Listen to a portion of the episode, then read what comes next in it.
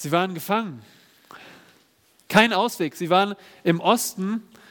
Im Osten war der Weg abgeschnitten durch das Meer und im Westen und im Süden waren sie von hohen Bergen umgeben. Und der Feind näherte sich mit voller Kraft. Der Feind kam nicht zu Fuß, der Feind kam mit Streitwagen. Zwei Pferde zogen den Streitwagen in Richtung der feindlichen Linie und diese Wagen waren aus Holz mit Leder verstärkt. Es waren mobile Abschluss, Abschussplattformen. Während der Fahrer die Pferde lenkte, gab es einen Speer oder einen Bogenschützen, der sich bereit machte, auf den Feind zu schießen.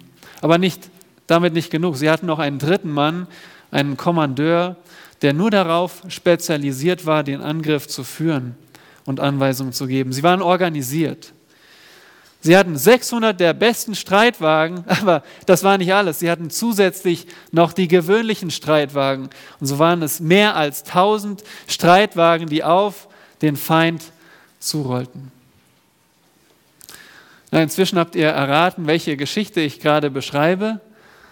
Worum geht es? Um die Geschichte, wie die Israeliten aus Ägypten ausziehen und dann scheinbar gefangen sind, scheinbar in einer hoffnungslosen Lage sind, scheinbar in die Ecke gedrängt sind, als sie am Schilfmeer lagerten und die Ägypter mit ihren Streitwagen hinterherkamen. Sie waren in einer Falle und sie waren in die Ecke gedrängt. Hast du dich schon mal so gefühlt? Hast du dich schon mal in der Ecke gesehen? In die Ecke gedrängt? Vielleicht kannst du einige der folgenden Situationen nachvollziehen. Dein Kollege behauptet Falsches über dich. Dein Kollege verspottet dich. Dein Chef überhäuft dich mit Arbeit. Deine Mitschüler hänseln dich. Ein ungläubiger Verwandter beschuldigt dich. Deine Kinder provozieren dich. Dein Freund wendet sich gegen dich. Dein Freund verleumdet dich. Nun, König David, der kannte ähm, diese Situation. Er hatte zeitlebens viele Feinde. David musste viele falsche Anschuldigungen gegen sich erdulden. Und Verfolgung ertragen. Denken wir an Saul, wie er Saul diente und, und Saul ihn dann verleumdete als jemand, der ja nur ich-süchtig Ehre anhäufen will. Saul war eifersüchtig oder Absalom. Absalom, der schlecht über seinen Vater sprach und so die Herzen der Israeliten stahl durch Verleumdung. So hat David genau das erlebt, was wir auch in unserem Alltag erleben können, auch als Christen, wenn wir fälschlicherweise verleumdet werden. Und in einer dieser Notsituationen schrieb David im Psalm 4, und den wollen wir jetzt gemeinsam lesen, unser Text heute im Psalm 4, Psalm 4 lese ich nach der Schlachter 2000. Gottes Wort sagt, dem Vorsänger mit Seitenspiel, ein Psalm Davids. Antworte mir auf mein Schreien, du Gott meiner Gerechtigkeit. In der Bedrängnis hast du mir Raum gemacht.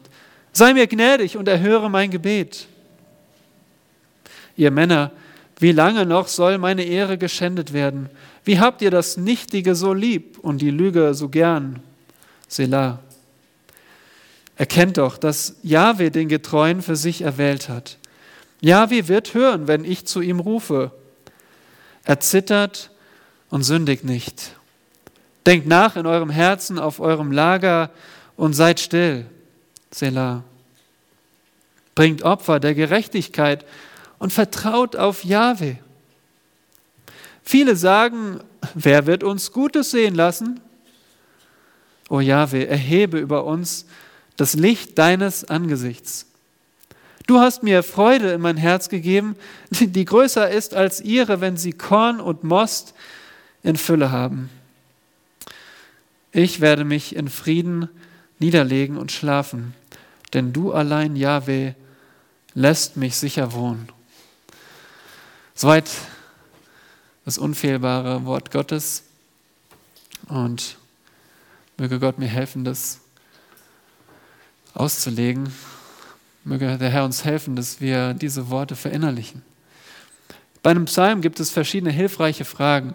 Die könnt ihr euch stellen, wenn ihr irgendeinen Psalm aufschlagt. Die erste Frage ist ganz einfach, gibt es, oder die erste Frage ist, wer ist der Autor? Das ist eine einfache Frage, denn hier steht in Vers 1 ein Psalm Davids. David war der Autor, David, der wie wir ein fehlerhafter und schwacher Mensch war, ein Sünder. David, ein Hirte und König, jemand, der es kannte, unbeachtet zu sein und jemand, der wusste, wie es ist, wenn man beliebt ist, aber auch, wenn man hintergangen ist. David ist ein Gläubiger, ein erlöster Mann. Wenn du ein Kind Gottes bist, ein, ein Bruder im Herrn. Und David ist jemand, der nicht nur seine eigene Erfahrung weitergibt, sondern der durch den Heiligen Geist uns hier das irrtumslose Wort Gottes gibt, wovon wir heute lernen dürfen. Die zweite Frage ist, gibt es einen Titel mit Hintergrund? Manchmal gibt es diese Titel und diese Hintergrundinformationen, wodurch wir wissen, in welcher Situation er schrieb. Nun, hier finden wir in Vers 1 dem Vorsänger mit Seitenspiel. Also dieser Psalm, dieses Lied war für den Gottesdienst geschrieben und es wurde begleitet mit Seiteninstrumenten wie Harfe und Leier. Aber wir lesen nicht davon, in welcher Situation er das schrieb. Das können wir nur mutmaßen. Doch was ist der Typ also was für eine Art Psalm haben wir hier? Was ist der Typ? Nun, David schreibt eindeutig in einer Krise. Und so passt das zu einem sogenannten Wehklagepsalm, wo er eine Klage ausspricht. Aber von dieser Klage geht es über das Vertrauen hin zum Lob. Psalm 4 ist aber besonders. Es ist kein Gebet nach, nach Schema F. Auch wenn es diese Typen gibt, es, es gibt, ähm, die Psalmisten folgen nicht einem bestimmten Schema. Es ist ihre ehrliche, ihr ehrliches Gebet vor Gott. Eine weitere Frage ist, was ist die Stimmung? Was ist die Stimmung? Nun, David ist in einer Notsituation, aber er ist nicht verzweifelt. Habt ihr es gemerkt, wie er dennoch Zuversicht hat in seiner schwierigen Situation. Er hat ein starkes Vertrauen in den Herrn. Eine weitere Frage, wo steht dieser Psalm? Nun, er steht in den Psalmen, aber wo, in welcher Position? Wir haben hier Psalm 1 und 2 sind, sind wie zwei Säulen am Eingang der Psalmen. Psalm 1 und 2 geben uns das Thema vor. Und es ist wie die Einleitung in die Psalmen. Und danach folgt ein Psalm, der Psalm 3, der häufig als Morgenpsalm bezeichnet wird, weil es dort heißt, ich legte mich nieder, ich schlief, ich bin wieder erwacht, denn Jahwe hält mich. Und in unserem Psalm geht es um das Schlafen und deswegen wird er auch als Abendpsalm bezeichnet. Mit wem spricht der Psalmist? Das ist eine weitere Frage. Nun, ihr habt es schon beim Lesen gemerkt, er fängt an, mit Gott zu sprechen. Und dann in Vers 3 lesen wir, ihr Männer. Oder in der Elberfelder, ihr Herrensöhne. Also er fängt an, mit Gott zu sprechen und dann spricht er auf einmal mit Menschen. Und am Ende wieder mit Gott in Vers 7 bis 9. Und das hilft uns auch schon so zu überlegen, in welche Teile können wir diesen Psalm gliedern. Wir folgen hier nicht den Selahs. Es gibt zweimal das Wörtchen Selah, Vers 3 und Vers 5. Aber in diesem Fall sind es jetzt nicht so die Markierungen für den Abschnitt. Selah, was bedeutet das eigentlich? Nun, Selah ist, so wie viele sich einig sind, eine Art Pause oder eine Art Notenschrift, wir wissen es nicht ganz genau, aber hier sind die Selahs nicht unbedingt das Ende der Strophe oder das Ende des Abschnitts. Und schließlich, was ist die Botschaft für uns? Was, was lernen wir aus diesem Psalm? Was lernen wir aus Psalm 4? Wir wollen beobachten, wie David in seiner Not Zuversicht und Gewissheit findet. Weil auf dieselbe Weise können auch wir Zuversicht in Bedrängnis finden. Und das vor allem in ungerechter Behandlung. Wir sind zwar nie völlig unschuldig, aber doch gibt es Situationen, wo wir auf unrechtmäßige Weise schlecht behandelt werden. Und genau für solche Situationen ist dieser Psalm geschrieben. Und für uns, und ich kann davon mir selbst sprechen, für mich ist es vor allem Vorbereitung, weil ich das nicht so erlebe, wie, wie David es erlebt hat. Aber ich weiß, dass wir alle wissen müssen, wie wir Zuversicht im Bedrängnis bekommen können, weil wir in diesen Situationen sein werden, früher oder später. Mag es sein durch Verfolgung und durch stürmerische Zeiten für Christen in diesem Land oder wo auch immer der Herr uns hinführt, wir werden unrechtmäßig bedrängt werden. Und auch jetzt schon, wenn wir in unseren Situationen leichtere Bedrängnisse erfahren von Kollegen, von Verwandten, von unseren Kindern, von unseren Freunden, dann müssen wir wissen, wie wir reagieren. Und darum lerne vier richtige Reaktionen auf Bedrängnis, damit deine Zuversicht zunimmt. Schauen wir uns die erste Reaktion an auf Bedrängnis und die lautet, erbitte Erleichterung von Gott. Das lernen wir in Versen 1 bis 2. Nun, Vers 1 ist die Überschrift in dem Psalm und in Vers 2 geht es richtig los. Und die erste Reaktion ist, zu Gott zu gehen, sich an Gott zu wenden. Das macht David hier in Vers 2 mit einer eindringlichen Bitte. Er sagt, antworte mir auf mein Schreien. Für David ist das Gebet keine bloße religiöse Übung. Für ihn war es hier lebensnotwendig. Er schreit ernsthaft nach Gott. Und im hebräischen Text ist das, äh, sein Schreien ist hier besonders betont. Also, er betont, dass dass er jetzt zu Gott ruft.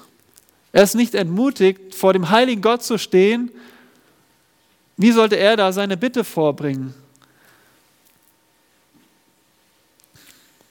Mein Schreien ist hier nicht kleingedruckt. Antworte, Herr, mein Schreien. Nein, er betont es. Ich schreie zu dir, Herr, höre mich.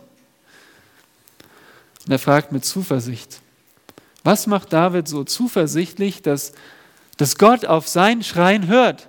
Gott, der Allmächtige, der alles geschaffen hat, auf diesen kleinen Mann. Nur zwei Gründe. Der erste ist, du Gott meiner Gerechtigkeit. Man könnte auch übersetzen, Gott, der mich verteidigt. David hat den allmächtigen Gott zu seinem Anwalt. Der lebendige und allerhöchste Gott der Gott der Majestät ist, der Gott der Gerechtigkeit. Woher weißt eigentlich du, wie lang ein Meter ist? Nun, manche von uns sagen, okay, ein Meter ist ungefähr so meine Schrittlänge. Ein anderer sagt, nein, das ist ein Meter. Ein anderer sagt, nee, so ein Meter. Also das ist ein bisschen subjektiv. Dann gibt es vielleicht manche, die kennen das Urmeter aus dem 18. Jahrhundert. Da gab es so ein Urmeter, ein, ein Werkstück, das genau ein Meter lang war. Und damals hat man sich auf die Strecke vom Äquator zum Pol bezogen und gesagt, das ist ein Bruchteil davon. Nun, das ist auch schon Vergangenheit, denn seit 1960 nahm mal die Wellenlänge des Lichts, um einen Meter zu messen. Und aktuell die Lichtgeschwindigkeit. Man braucht immer irgendetwas, womit man das vergleicht, woran man messen kann, was ist ein Meter. Nun, was ist Gerechtigkeit? Was ist richtig und falsch? Gott ist so besonders, weil er sich mit niemandem vergleichen braucht. Er ist selbst der Maßstab für Gerechtigkeit. Und darum ist es immer falsch, wenn wir anfangen, Gott zu beurteilen. Denn Gott trägt das Gesetz in sich selbst. Das Gesetz für richtig und falsch ist nicht außerhalb von Gott, sondern in ihm drin. Er ist es selbst. Er ist selbst der Maßstab für richtig und falsch. Und er verteidigt auch die Gerechtigkeit und setzt sich dafür ein. Und die Frage ist, stehst du gerecht vor Gott da? Wie stehst du vor Gott da, wenn er dich, wenn er dich beurteilt? Stehst du gerecht vor ihm da? Gott akzeptiert nicht die kleinste Abweichung von seinem Gesetz, weil er heilig ist. Und die Bibel sagt, nicht einer ist gerecht vor Gott. Nicht einer. Das heißt, du bist eingeschlossen. Nicht einer ist gerecht vor Gott.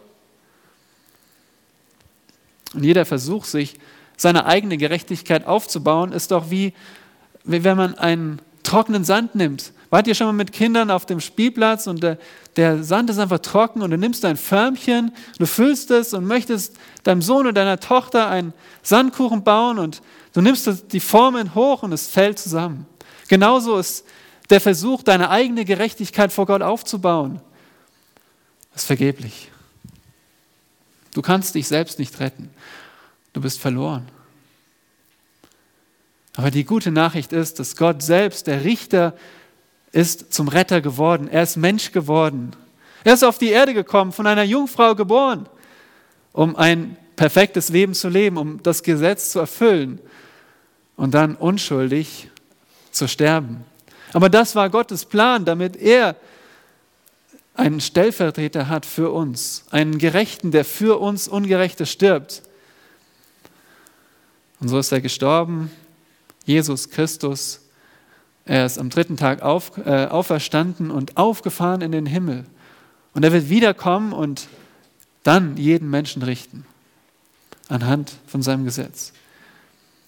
Aber bevor er wiederkommt, Lass dich versöhnen mit Gott. Denn es gibt ein zu spät. Darum bekenne ihm heute deine ganze Schuld. Sag ihm, was du für ein Sünder bist.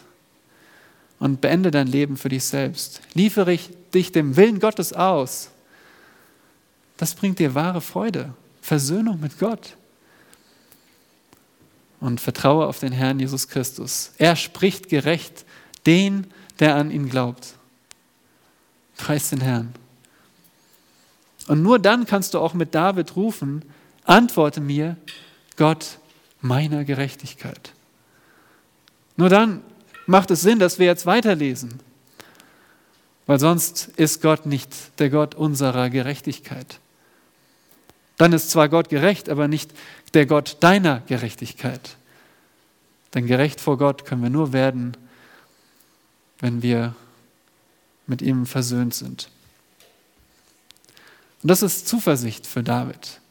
Der zweite Grund, warum er zuversichtlich ist, steht weiter in Vers 2. In der Bedrängnis hast du mir Raum gemacht. Er erinnert sich an die Vergangenheit, wo Gott ihm schon geholfen hat. Und diese Bedrängnis ist ein Sprachbild, das beschreibt wörtlich eine, eine Ecke, eine enge Ecke. Und David war auch schon früher erdrückt und eingeklemmt in Situationen. Und mit einem Mal hat er wieder Platz. Vielleicht kennt ihr das in der S-Bahn, wenn, wenn gerade alle Feierabend haben und ihr drängt euch so in die S-Bahn rein und wird heiß und stickig und dann Friedrichstraße oder Warschauer Straße oder plötzlich ach, wieder Luft. Genauso ist, was David hier beschreibt. In der Bedrängnis hast du mir Raum gemacht. Er war eingedrückt und plötzlich hat er wieder Luft.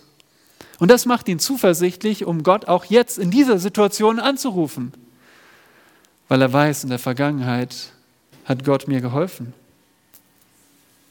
Und die Frage ist, jetzt sind wir bei uns, wie beten wir eigentlich zu Gott? Beten wir in der Not oder in der Bedrängnis so, dass wir Gott herausfordern? Beten wir, Gott, du musst mir jetzt helfen. Aber Geschwister, wir können Gottes Hilfe niemals einfordern. David schreibt, sei mir gnädig. Nicht, du musst mir jetzt helfen, sondern sei mir gnädig. Ich habe es nicht verdient, dass du mir hilfst. Und es wäre auch eigentlich nicht recht, weil ich bin ein Sünder. Ja, es ist nicht, nicht recht, wenn Gott uns hilft. Es ist immer seine Gnade. Das ist so, wie wenn du zum Arzt gehst und behandelt wirst ohne eine Krankenversicherung. So ist es, wenn Gott Sündern hilft. Verlangst du nach Erleichterung als ein Recht oder bittest du demütig um Erleichterung aus Gnade? Wie betest du in der Not?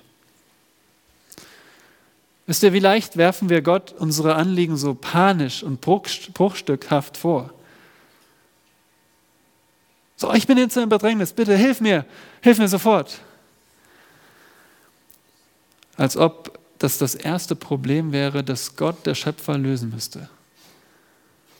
David erinnert sich, Mensch, wie oft hast du mir schon geholfen?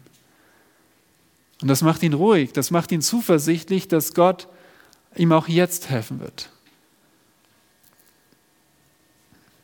Hat dir nicht Gott schon häufig geholfen, so wie auch David? Es hilft wirklich, sich an vergangene Erleichterungen zu erinnern. Ich habe das gestern mal gemacht. Als mir in Belgien als Fahranfänger der Sprit ausging, als ich in der Mongolei allein bei fremden Männern übernachtete, die anfingen, Schnaps zu trinken als mein Sohn sich im Ausland das Schlüsselbein brach und die Versicherung zunächst absagte, als nach einer Berufspause keine Arbeitsstelle in Sicht war, als sich unsere ungeborene Tochter im Bauch nicht mehr bewegte. Gott hat meine Bedrängnis erleichtert. Hast du eine Chronik erhörter Gebete in deinem Leben? Nachdem David zu Gott gebetet hat, wendet er sich nun seinen Feinden zu. Und wir kommen zur, zur zweiten richtigen Reaktion im Bedrängnis. Die lautet, verkündige Feinden deinen Gott. Verkündige Feinden deinen Gott.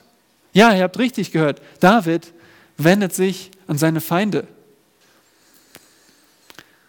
Und ob sie ihm tatsächlich gegenüberstehen oder nicht, seine Worte zeigen seine, seine gottesfürchtige Einstellung gegenüber Feinden. Hier in Vers 3 heißt es, ihr Männer. Oder die Elberfelder sagt, ihr Herrensöhne. Es geht hier um Männer mit Einfluss. Nicht einfach irgendwelche Männer.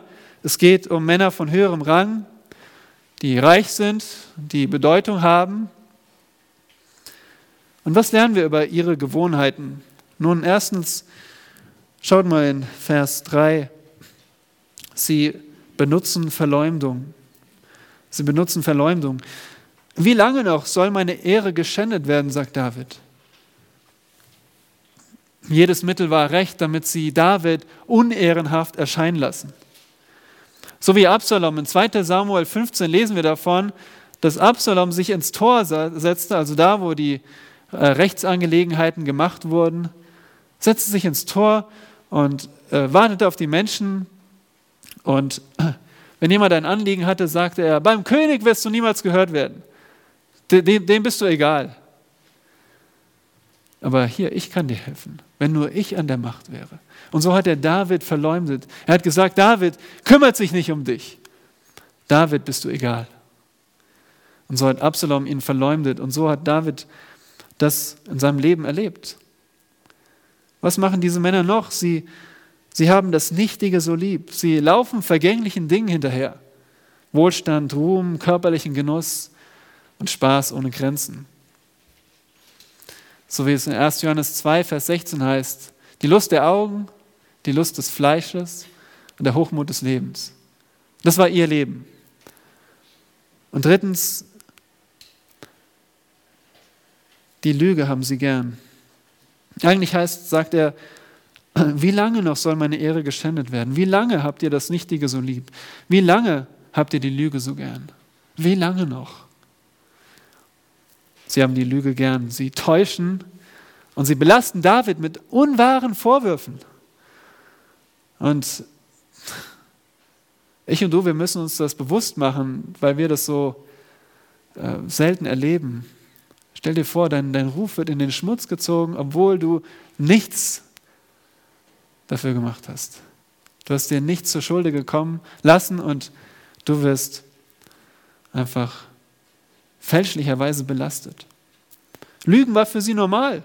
Sie sind gottlos, sie sind egozentrisch, sie sind pragmatisch, unehrlich und verleumderisch.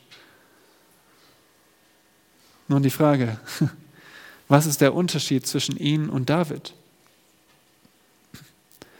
Vers 4. Erkennt doch, erkennt doch, dass Yahweh den Getreuen für sich erwählt hat. David macht sich bewusst, Mensch, was ist der Unterschied zwischen diesem Menschen und mir? Ich bin erwählt. So wie Gott einen Unterschied gemacht hat zwischen Israel und Ägypten, als er den Erstgeborenen der Ägypter tötete und die Israeliten am Leben ließ. So hat Gott einen Unterschied gemacht. Und er hat für sich erwählt. Hier steht, dass, der, dass Jahwe den Getreuen für sich erwählt hat. Nicht nur, okay, komm, dien, mal, dien mir mal oder tu mal das für mich. Nein, Gott erwählt Menschen, damit sie bei ihm sind, in Gemeinschaft. Und der zweite Unterschied ist, David ist ein Getreuer. Dieses Wort ist, ist wunderbar. Dieses Wort leitet sich ab von dem Wort für loyale Liebe loyale Liebe. Das Wort, was in unseren Bibeln Güte oder Liebe gibt verschiedenste Übersetzungen, aber es ist so ein wunderbares Wort, das man mit standhafter oder loyaler Liebe beschreiben kann. Davon ist das Wort getreuer abgeleitet. Also ein Mensch, der, der Gott liebt und der ihm deswegen die Treue halten will. In weiblicher Form bedeutet dieses Wort Storch. Storch. Nun, Störche kehren alljährlich zu ihrem Nestplatz zurück. Störche haben die Angewohnheit, ihre Nester immer wieder weiter auszubauen. Es gibt Storchennester, habe ich gelesen, die bis zu drei Meter hoch und zwei Meter breit sind. Und es ist möglich, Nester zu finden, die 100 Jahre alt sind, wo verschiedene Störche immer wieder dran gebaut haben, weil sie immer wieder zurückkehren ein Bild für Treue. So ist ein gläubiger Mensch ein Getreuer, jemand, der Gott liebt und deswegen ihm die Treue halten will. Das ist ein wunderbares Wort. Und der erste Unterschied bewirkt den zweiten. Gott erwählt aus Liebe, damit die Menschen, die er errettet hat, ihn wieder lieben. Gottes Erwählung steht am Anfang der Errettung. Und so hat Gott auch uns Gläubige in Christus erwählt und abgesondert. 1. Korinther 1, Vers 2. Und er hat unsere geistliche Blindheit weggenommen, damit wir überhaupt erkennen, wer Gott ist.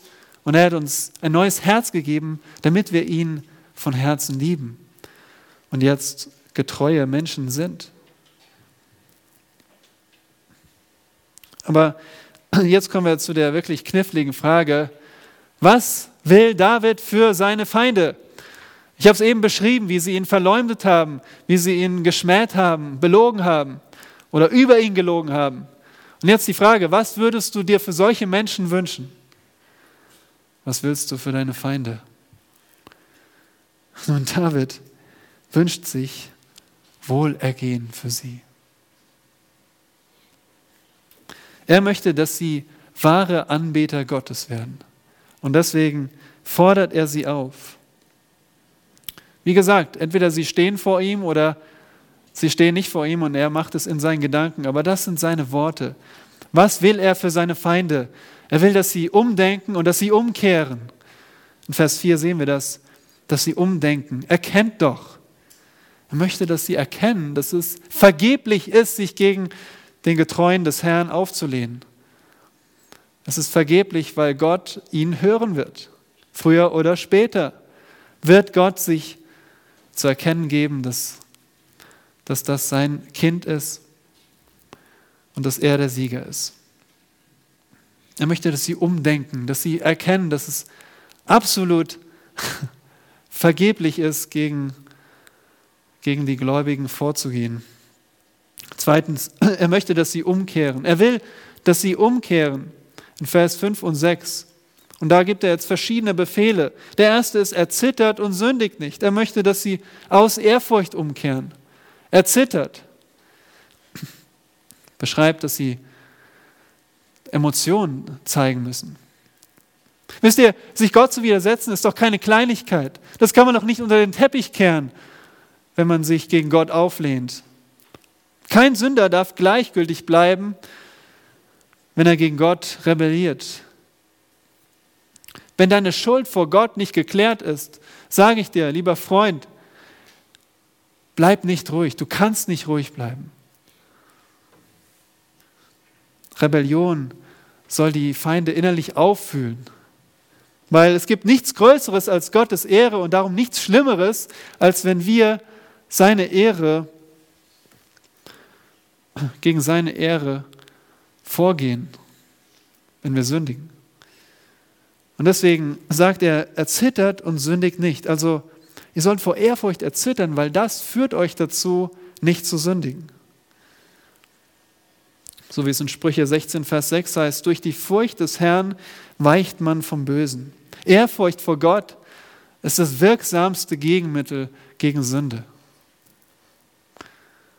Nicht noch mehr Regeln oder noch mehr Polizei oder noch mehr Fesseln.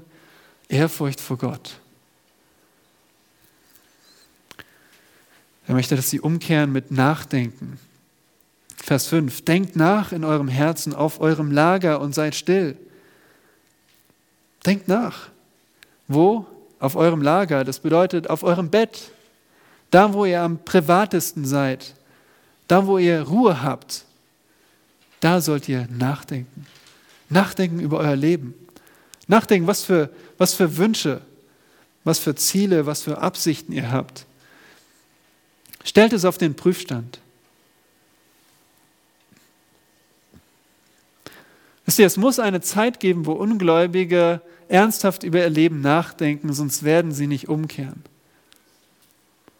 Wenn Ungläubige nicht ernsthaft über ihr Leben nachdenken, werden sie nicht umkehren. Und das weiß auch David. Denkt nach und dann seid still. Also hört auf, die Gläubigen zu verleumden, weil ihr euer Leben überdenkt habt, überdacht habt. Und schließlich will er, dass sie umkehren im Glauben. Das ist wunderbar. Vers 6. Bringt Opfer der Gerechtigkeit. Warum Opfer? Nun, Opfer zeigen Vertrauen auf Gottes Wort. Wenn du dir vorstellst, du bringst jetzt ein Tier zur Schlachtbank, das, was du vielleicht aufgezogen hast, was, was dir wertvoll ist, und tötest das Tier, dann machst du das im Vertrauen auf das, was Gott niedergeschrieben hat. Sie sollten Opfer bringen gemäß Gottes Gesetz. Was sollen wir heutzutage opfern, wenn wir keine Tiere mehr opfern sollen?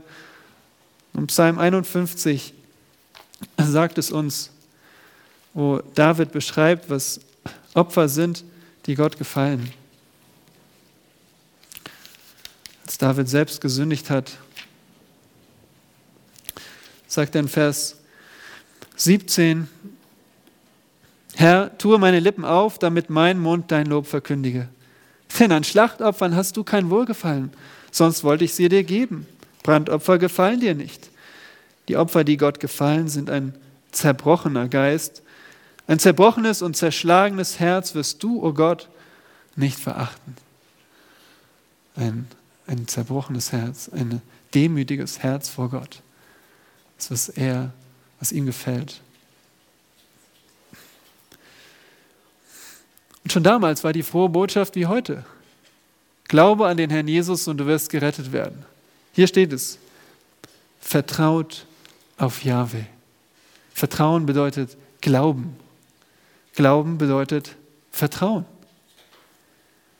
Und die Frage ist, bist du schon umgekehrt zu Gott?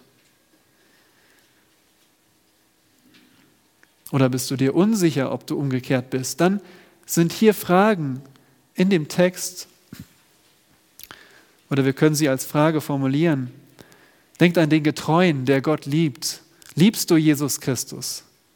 Liebst du ihn, auch wenn andere dich deshalb verlassen?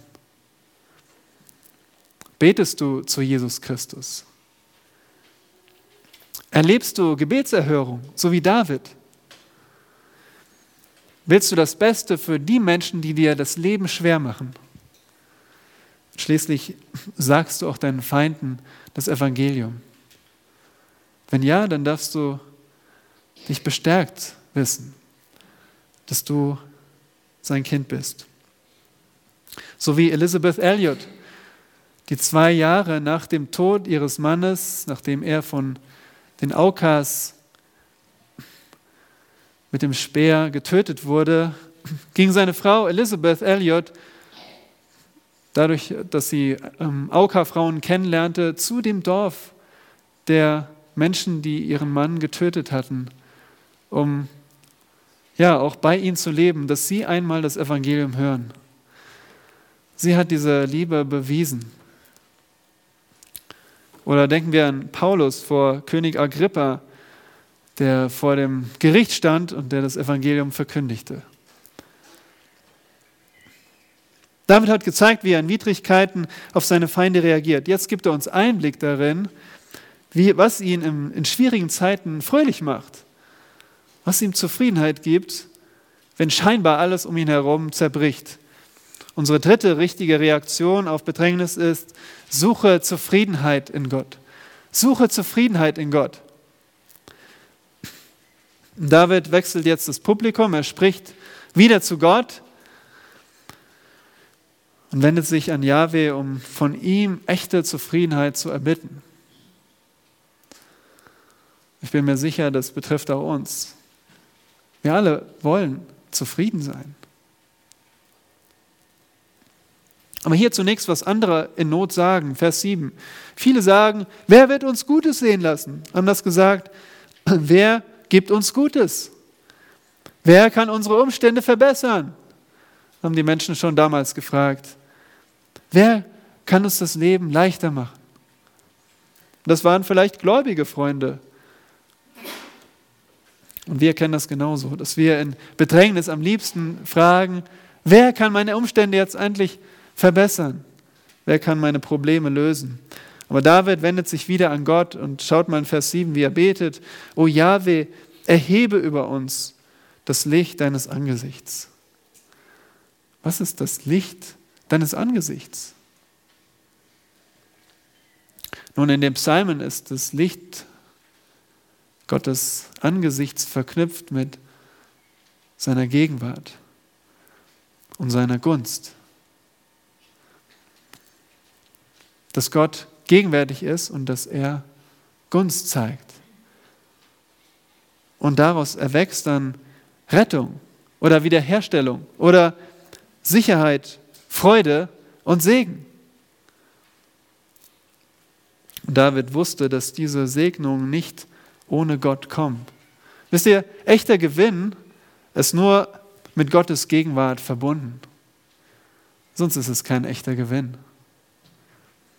Gutes gibt es nur durch Gottes Gunst. Und so betet er, Gott, wende mir dein lächelndes Gesicht zu. Ich möchte, dass du über mich lächeln kannst, dass du dich freuen kannst über mich. Wie geht das? Wir wissen, das geht nur durch Jesus Christus. Nur wenn wir sein leuchtendes Angesicht überhaupt erstmal gesehen haben in der Errettung, wir haben es vor zwei Wochen gesehen, wenn Christi Herrlichkeit uns aufgeleuchtet ist, unseren inneren Augen, wenn wir erkannt haben, wie herrlich er ist, wenn wir durch den Glauben Gerechtigkeit haben vor ihm, dann lächelt uns Gott zu. Selbst im unschuldigen Leiden als Christ heißt es in 1. Petrus 2, Vers 20, wenn ihr aber für Gutes tun leidet und das geduldig ertragt, das ist Gnade bei Gott. Also Gott ist euch günstig gestimmt, wenn ihr unschuldig leidet. Das ist sein Plan. Aber er ist bei euch. So wie es in dem Lied heißt, alles will ich Herr verlassen. Lass mir leuchten deine Gnade, Gott der Weisheit, Lieb und Macht. Segen wird mir dann der Schaden, Freud der Schmerz und Licht die Nacht. Gott, wenn dein Angesicht mir leuchtet, dann, auch wenn ich Schmerzen habe, das wird für mich wie Freude sein. Und in Vers 8 bezeugt David, wie er diese Freude bekommt, nämlich Freude im Herzen. Und das Herz bedeutet da, wo er, wo er wünscht, wo er sich Dinge, wo er Dinge will und begehrt. Und so sagt er, du hast mir Freude in mein Herz gegeben, die größer ist als ihre, wenn sie Korn und Most in Fülle haben.